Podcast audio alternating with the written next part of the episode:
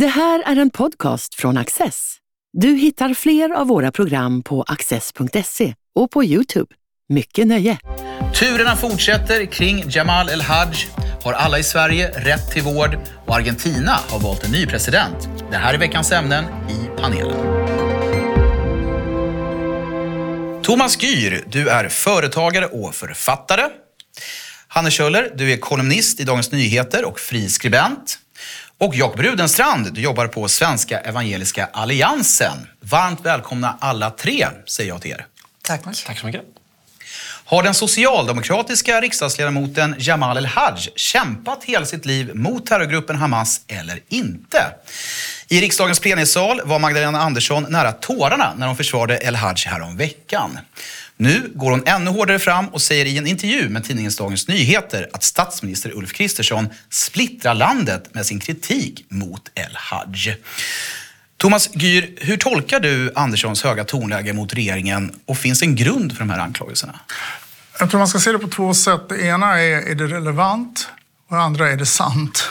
Om man börjar baklänges eh, så återstår väl att bevisa påståendet att han skulle ha kämpat mot Hamas hela sitt liv. Eh, det finns väldigt mycket som tyder på att han inte har gjort det. Eh, att han tvärtom har sympatier för eller uttryckt närhet till Hamas.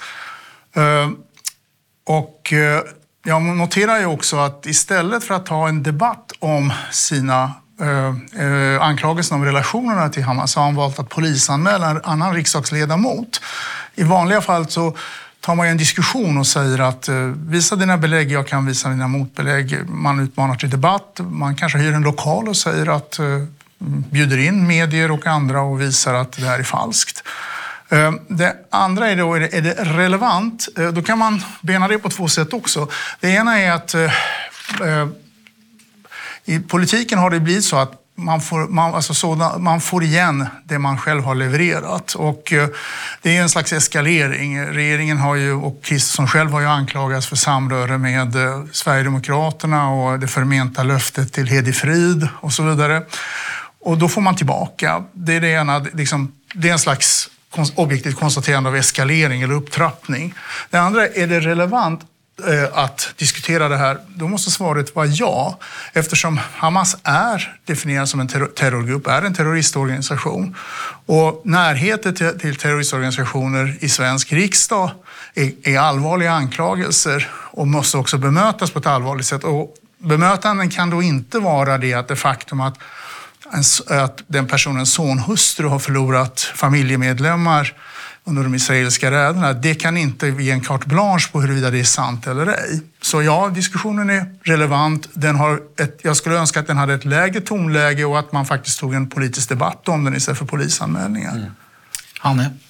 Ja, nej men man får ju också säga att eh, tonläget har förändrats från Socialdemokraterna. För om vi backar bandet så var det ju så att El-Haj åkte på en konferens som bojkottades av Eh, i stort sett alla andra demokratiska partier och även icke-demokratiska rörelser. Som Palestinas ambassadör i Sverige var ju noga med att säga att detta var ingen Palestinakonferens, det var en Hamas-konferens. Och hon valde själv, som inte ens kan säga att Hamas är terrorister, hon valde att inte närvara. Eh, El-Haj ombads av sitt parti att inte åka. Han åkte i alla fall. Och då när han kom tillbaka så avlövades han på alla sina uppdrag och partisekreterare Lena Hallengren sa att detta får konsekvenser. Så uppenbarligen tyckte man ju att det var allvarligt då. Sen spelar man nu på en fråga som jag tycker är rationell. Och vi har ju sett här också med eh, riksdagsledamöter och partimedlemmar som har sympatiserat med gråvargarna. Till exempel det här är, det talas väldigt mycket om infiltration i både statsförvaltningen och i myndighets-Sverige. Eh, så, så, frågan är ju rationell och den får då ett emotionellt svar. Och det går inte att svara på tårar. Det är välkänt för alla som har levt i en relation med någon som gråter hela tiden så fort man bråkar. det finns liksom, det, man kommer inte vidare, det är stopp där. Eh, så att eh, jag kan inte säga huruvida de här anklagelserna om Hamas-samröre eh, är relevanta eller inte, eller hur relevanta de är. Om man säger så här att man ser det hela som, ett, som en linjal där man är naiv på ena ytterkanten och paranoid på den andra, så finns ju liksom någonstans, så är det ju bra att vara rationellt kritisk någonstans på den här linjalen. Och jag vet inte var den punkten finns. Men, men att frågan ställs, eh, det tycker jag är viktigt och jag tycker att det är undermåligt att den får ett känslomässigt svar. Mm. Ja, eh, när jag tittar på den här debatten som, eh, som var mellan Magdalena Andersson och Ulf Kristersson så märker man ju att, att Magdalena Andersson är väldigt illa berörd. Hon, hon tar illa vid sig eh, om just de här anklagelserna. Samtidigt, bara några minuter senare, så anklagar hon ju regeringen för att inte rensa upp antisemitismen bland sitt regeringsunderlag. Så det, upp, det förefaller ju väldigt inkonsekvent. Sen är det ju en sån här fråga om Jamal El-Haj Eh, hans, hans livslånga kamp mot Hamas det är ju ganska så enkelt att verifiera. Tittar man på hans motioner som han har lagt i riksdagen så står det ju förvisso att han talar om Hamas som en terrororganisation men det är ju tillsammans med andra socialdemokratiska ledamöter. Det är ju en, men samtidigt, det är en empirisk fråga. Har han haft en, en livslång kampanj mot Hamas eller inte?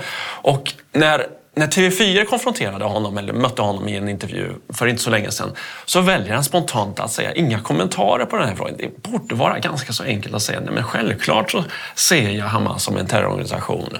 Så det, det, det, det, det är någonting som inte är helt klart här. Sen, sen, sen så märker man ju att den här, den här kritiken från, S mot, eh, eller från regeringen mot S påminner lite grann om den, den kritik som S haft mot eh, till exempel Kristdemokraterna efter Lars Adaktussons deltagande i en konferens eh, som ogillades för ett antal år sedan. Och man, man spinde vidare på det i samband med EU-valet och så.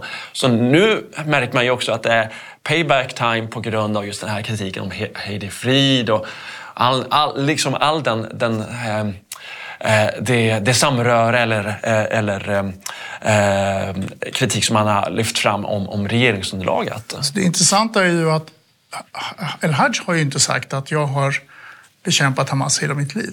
Det är Magdalena Andersson som säger det om, hon, om honom. Så att på det sättet är det ju en, så att säga, ett indirekt, en indirekt vittnesbörd för att tas därefter. Sen kan man ju då konstatera att det Kristersson sa som gjorde Andersson så upprörd och El-Hajs vägnar var ju att Socialdemokraterna har haft en terrorromantik att det inom finns sig. inom, social, inom, ja. inom social. Och det är så här, Birgitta Dahl hyllade Pol Pot på 70-talet. Eh, alltså hon reste ner till PAGC-gerillan på 70-talet. Mm. Eh, senast var Veronica Palm med, med och fotograferade sig MPLA eh, direkt i, i, i för, alltså Angola, den gamla gerillan i Angola, numera diktaturen i Angola.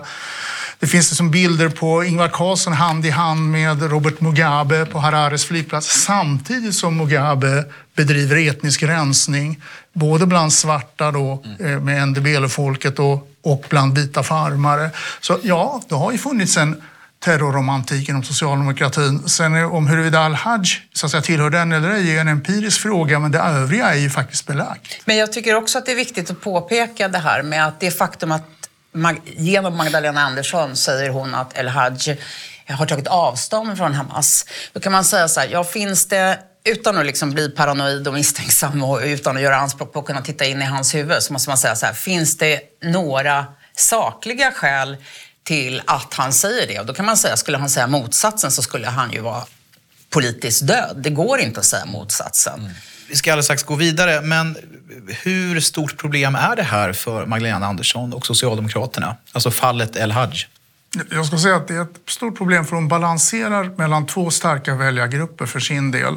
Alltså den, vi vet hur, eh, att det finns mycket starka eh, röstbenägenheter bland svenska muslimer, bland, bland eh, arabiska, Sverigearaber och Palestina och eh, sympatisörer för den här frågan. Samtidigt så tror jag att det är en, ett socialdemokratiskt hardhatt-perspektiv. alltså klassisk socialdemokratisk eh, eh, brukssamhälle, så tror jag att, att, att det här ses med, skulle ses med väldigt oblida ögon. Så hon går en väldigt besvärlig balansgång med att alltså, balansera upp två väljargrupper som förmodligen skulle vara ute, varandra uteslutande. Man har ju uppenbarligen många utmaningar. Bara, bara igår eh, som, så hade ju Ulf Kristersson och Elisabeth Svantesson en stor town hall-utfrågning i Göteborg som eh, var tvungen att avbrytas på grund av att en stor grupp människor buade ut statsministern när han talade om att Israel har en rätt att försvara sig och att Hamas är en terrorgrupp. Sen går riksdagsledamoten från S, Annika Strandhäll, ut på Twitter och talar om att det här är yttrandefrihet. Att man buar ut statsministern när man inte låter statsministern tala till punkt och sen väntar på sin tur för att ha liksom, sakliga invändningar.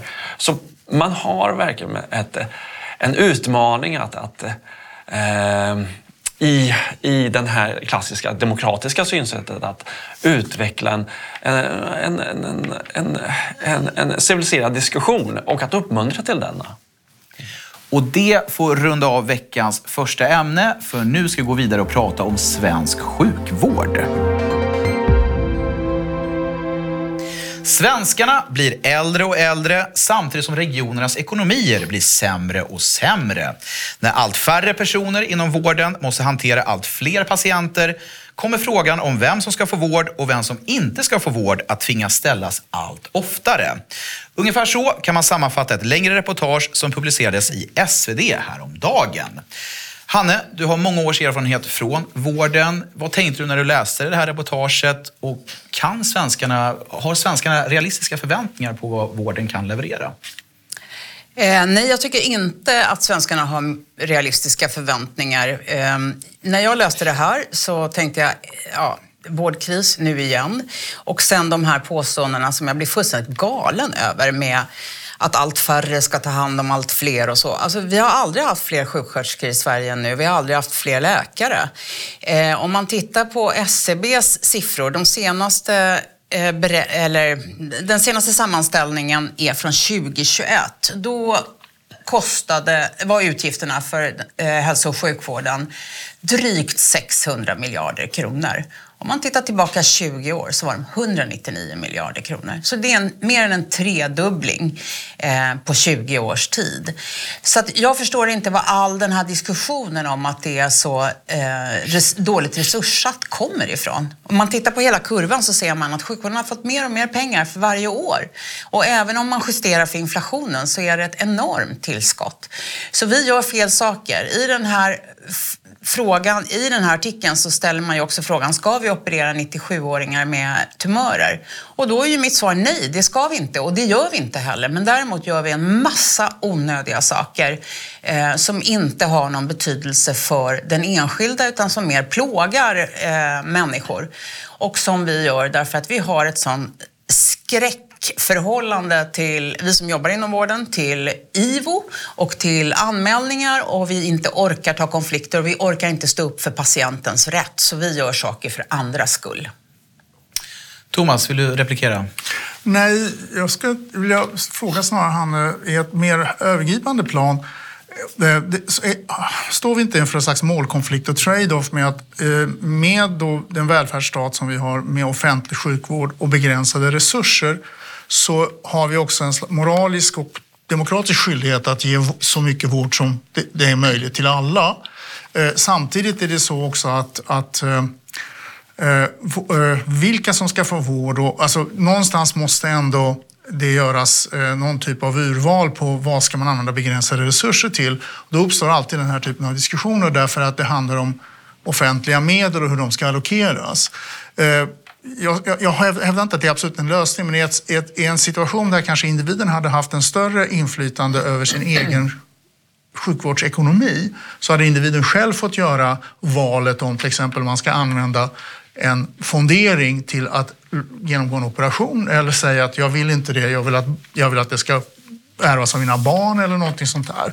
Eh, jag, jag, det här, och det skulle i och för sig leda till andra målkonflikter, men den, det leder också till att vi har till exempel också när det gäller teknisk utveckling att vi har ett slags demokratisk rätt att alla får den bästa vården. Samtidigt vet vi liksom att tidiga early adapters av teknikanvändning, det görs av väldigt rika människor som använder sig och, sen, och där det så småningom då utvecklas billigare metoder som så att säga går ner och, och, och kan spridas över. Så sker det med all teknikanvändning. Här finns ju Finns det inte ett dilemma i, så att säga, i, i, mellan demokratier och sjukvård till alla och det faktum att vi, vi har ytterst även staten har begränsade resurser? Eller helt, är jag helt fel ut? Det ut finns absolut målkonflikter och det gäller ju framförallt de här extremt dyra behandlingarna. Mm. Eh, och hur mycket ska, hur ska man bedöma? Det kom till exempel ett läkemedel som för hormonell bröstcancer visade sig kunna förlänga livet med tre månader till en fullständigt absurd kostnad. Vad är tre månader värt? Och då har, har man ju inom just när det gäller läkemedel så finns ju ett system för att beräkna det och det heter ju kvalitetsjusterade levnadsår och det är ju det man använder inom andra områden i Sverige. Till exempel om man ska bygga ett vägräcke mm. så säger man hur många liv kan vi spara här eller goda kvalitetsjusterade människoliv. Och det, det gör vi ju inte inom vården. Däremot gör man det på läkemedelsområdet och jag skulle vilja att man gjorde det mer. Det här med att fondera och att man har en egen pott, det tycker jag strider mot hela portalparagrafen i hälso och sjukvårdslagen om att vård ska ges efter behov. Och det tycker jag är en viktig paragraf och jag tycker inte att, att eh, eh särskilt inte i Stockholm där tillgänglighet har blivit liksom ett mantra, så är det ju tyvärr så att eh, Eh, Eh, det finns ju många röststarka medelklassmänniskor som konsumerar väldigt mycket mer sjukvård än deras hälsotillstånd kräver. Det kan mycket väl vara så att, att eh, många, många konsumerar sjukvård än vad det kräver men samtidigt så, och, och, samtidigt så finns det också andra aspekter här. Alltså, tittar man till exempel på administrationen som har ju svällt enormt mycket så är det ju så att eh, enligt en kartläggning som Dagens Samhälle gjorde nyligen så hade det ökat med 8 procent eh, sedan 2019 till 2022 jämfört med antalet vårdpersonal som hade ökat under samma period med bara 3 procent. Och samtidigt så har väldigt mycket vårdpersonal, inte minst läkare inom psykiatrin där min, där min fru jobbar, väldigt, väldigt mycket administrationsuppgifter att ta sig igenom. Man, många gånger får man till och med hjälpa patienter att fylla i blanketter. Det görs basutredningar flera gånger om igen vid varje remiss som ska lämnas. Och Eh, så just den här frågan om, om, om administration och höga chefer som anställs och andra kom, kommunikatörer och administratörer som anställs är en sån fråga som man kanske också ska titta lite mer på än just besparingsåtgärder på vilken vård som tillhandahålls. Jo, precis. Och det, jag har ju skrivit en bok som heter Dagbok från akuten och där tar jag upp eh, väldigt många av de här aspekterna. Och vi har ju fått en hel ny kår av hälsobyråkrater. I Region Stockholm fattades beslut i december om att alla vårdinrättningar där det serveras mat, där ska man väga, sortera och mäta avfallet. Eh, och det kom ju då otroligt strikta instruktioner om hur det skulle göras och om bananskal, bananskal skulle räknas med eller inte. Och att i ett sånt läge när man från hälsobyråkratins sida ålägger vårdpersonalen att göra en massa skitgrejer helt enkelt. Ja, men då är det ju inte konstigt att inte resurserna räcker till. Och jag måste säga det att i mitt jobb, jag gör ju saker som jag finner så extremt meningslösa. Och, eh, och, och, där är ju primärvården är ju särskilt drabbad. Att, att den inte räcker till är ju för att de ska hålla på med så här hälsocoachsamtal och de ska göra massor med saker istället för att ta hand om de sjuka människor de möter på det sätt som de är utbildade och erfarna nog för att kunna bedöma själv. Det som Hanna var inne på är egentligen exakt det jag också menar. Vad är vård efter behov? Vem avgör vilket behov någon har? Alltså det, eh, och, det, och det är alldeles riktigt att vi gör den här typen av beräkningar när det gäller till exempel just infrastrukturinvesteringar, avvägningar, där vi sätter faktiskt pris på människoliv kan vi säga. Eh, och, eh, huruvida vi ska införa det inom vården eller i större utsträckning, vi gör det också inom medicin, medicin eh, och läkemedelsutskrivning som du var inne på. Det, det gör ju också att vi hamnar i den här en trade-off som är mycket märklig. Och det, det är eh, alltså en, en, målkonflikt. Och jag tror att den är olöslig på det sättet. Utan vi måste på något sätt bestämma var vi ska finnas i den.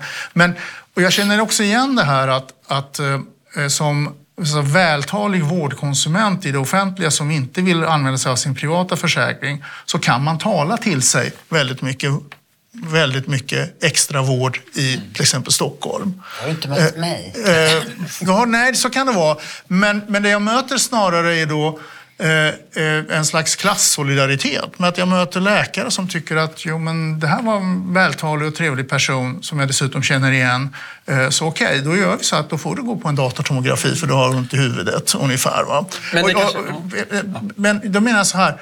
Ja, då, då det här systemet leder ju precis som alla andra planekonomiska system där behoven bestäms av andra till att de som är, antingen kan köpa sig förbi kön eller är vältaliga eller har kontakter går före. Så det blir ju inte vård efter behov ändå. Eh, men det är lite grann som du var inne på, att, att man vill inte ta den här konflikten eh, och man, eh, med, med, med vältaliga patientkonsumenter för att liksom, man, man, man, vill inte alltså, riskera administrationen eller IVO eller andra motgångar. Nej, och där tror jag delvis det har att göra med att vi är hyfsat konflikträdda i vår kultur. Men det har ju också att göra med att vi har de här hälsobyråkraterna som har förminskat auktoriteten något enormt. Jag jobbar ju med enormt många läkare med utländsk bakgrund. De är ju överrepresenterade inom läkarkåren. Och jag märker att de som har kommit till Sverige hyfsat nyligen, vi har jobbat med några som kom 2015 till exempel, som inte har blivit helt försvenskade ännu. De är ju helt fantastiska för de har ju kvar lite mm. pondus och lite auktoritet. Eh, och, och, istället, i Sverige har vi en lagstiftning som säger till exempel att vi ska rådgöra med patienten mm. om du ska opereras eller ja. inte. Ja. Eh, och där kan ju de då kanske säga så här, jag tycker att du ska opereras. Och, sen, och det är ju ofta det man vill höra som patient. Man är ju rädd bredd och man har ett kunskapsunderlag. Så att vi har ju gjort massor med saker lagstiftningsvägen också med rätten till en second opinion och att det ska diskuteras och konfereras i all oändlighet. Det är klart att man som patient ska kunna säga ja, jag vill hellre dö, jag vill inte ha den där operationen. Men, men det får ju helt orimliga konsekvenser, eh, inte minst när vi ska ta hand om alla dessa dementa som då ska tillfrågas om sin uppfattning, som, inte, mm. som kanske är dementa så till den grad att de inte ens har ett språk, de grymtar. Mm. Men där ska, ska patienten själv bestämma. Och där måste jag dra streck i den här intressanta debatten. Jag är övertygad om att eh, diskussionen om svensk sjukvård kommer att fortsätta. Men nu ska vi blicka utomlands. Avskaffad centralbank, införandet av dollar som valuta och massnedläggning av myndigheter. Det är några av punkterna på den blivande argentinske presidenten Javier Mileis agenda. Etiketterna på honom är många. Högerextrem, högerpopulist, libertarian, ultraliberal. Men hur ska vi förstå Mileis valseger över vänsterkandidaten Sergio Massa? Och har vi svenskar något att lära från Argentinas moderna historia? Jakob, vad är dina tankar om valutgången? Ehm, jag ska vara ärlig och säga att innan valvinsten så kände jag inte till Javier Milei. Men samtidigt när man, när man tittar på Argentina så kan man ju också förstå lite grann om varför han röstades fram. Det är ett land som har, eh, i början av 1900-talet var, var ett av de rikaste länderna i världen. Men samtidigt efter Peron, efter eh, väldigt mycket förstatligande så har det haft en enorm inflation. Man har en inflation, årlig inflation på över 120 procent. Eh, man har, och det, det, det liksom, ska, de utgifterna de ökar. Eh, så på det sättet så är det ganska så förståeligt. Man vill ha en, en en, eh, en, en, ett nytt alternativ jämfört med det som har varit tidigare. Det har varit enormt mycket korruption. Ehm, man, man har som sagt haft väldigt mycket utgifter från statsapparaten. Ehm, sen tycker jag också det är intressant att titta på, titta på honom som, som person. Han beskrivs ju som, som populist. Det är många av de argentinska presidenterna tidigare som anklagas för just populism när man liksom har varit från den andra politiska sidan. Ehm, Eh, en, sen är det också fascinerande att se på hur Um, hur en av landets kanske mest kändaste söner, påven Franciscus, han har ju varit enormt kritisk mot eh, eller, eh, Javier Milei har varit väldigt kritisk mot, mot påven. Men det har inte hindrat att många människor ändå har röstat på Javier Milei trots katolska kyrkans starka ställning i landet. Eh, Så det tycker jag är väldigt fa- fascinerande. Och Javier Milei har liksom kallat på liksom kommunist och peronist och alla möjliga nedsättande epitet som, som, som skulle kunna komma från honom. Men eh, det är, ändå, det är ändå intressant att han har röstat fram. Thomas Gür, tankar?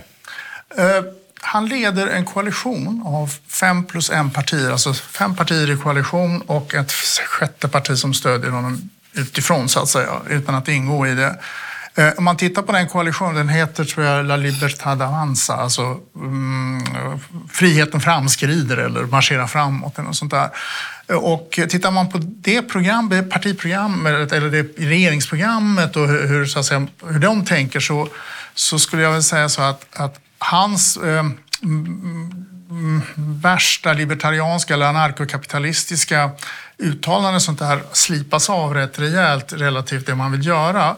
Och det man vill göra det är, han, liksom, man har haft 16 ministerier eller departement. Han har avskaffat då, eh, nio av dem och eh, satt upp ett, ett, ett åttonde då, så det blir åtta, åtta departement. Det heter Humankapitaldepartementet och Infrastrukturdepartementet.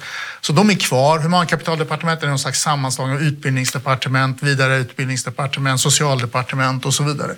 Och tittar man på det här så liksom, det är nattväktarstaten plus infrastruktur.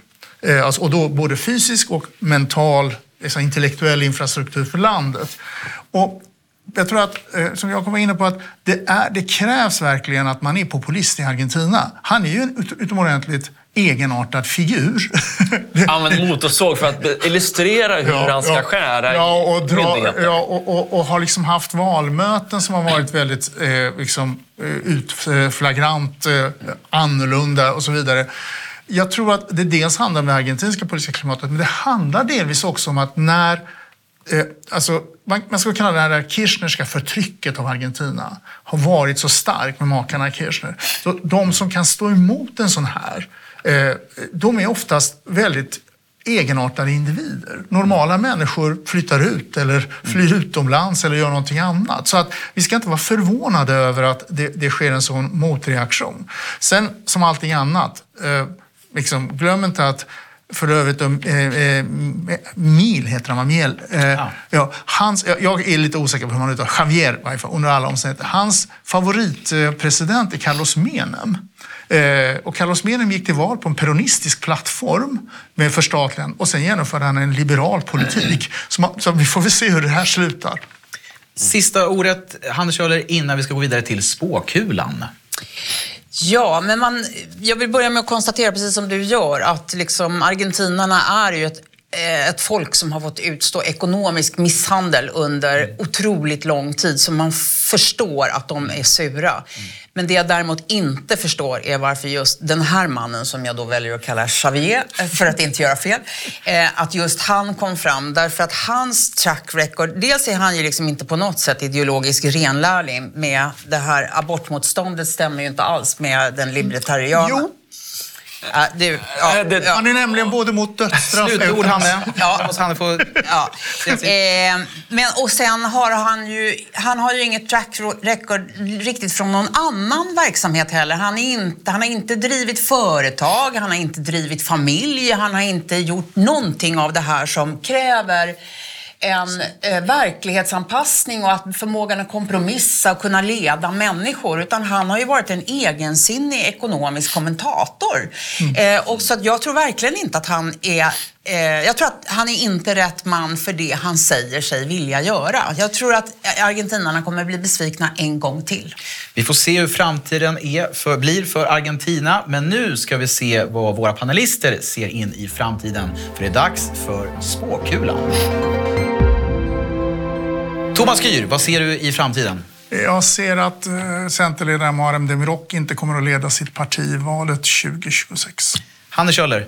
Ja, i denna nattsvarta tid som vi lever i så vill man ju ibland helst bli nedsövd och läggas i respirator och väckas när det blir bättre. Men valet av Daniel Heldén till nytt språkrör för Miljöpartiet gör mig ändå lite nyfiken på framtiden.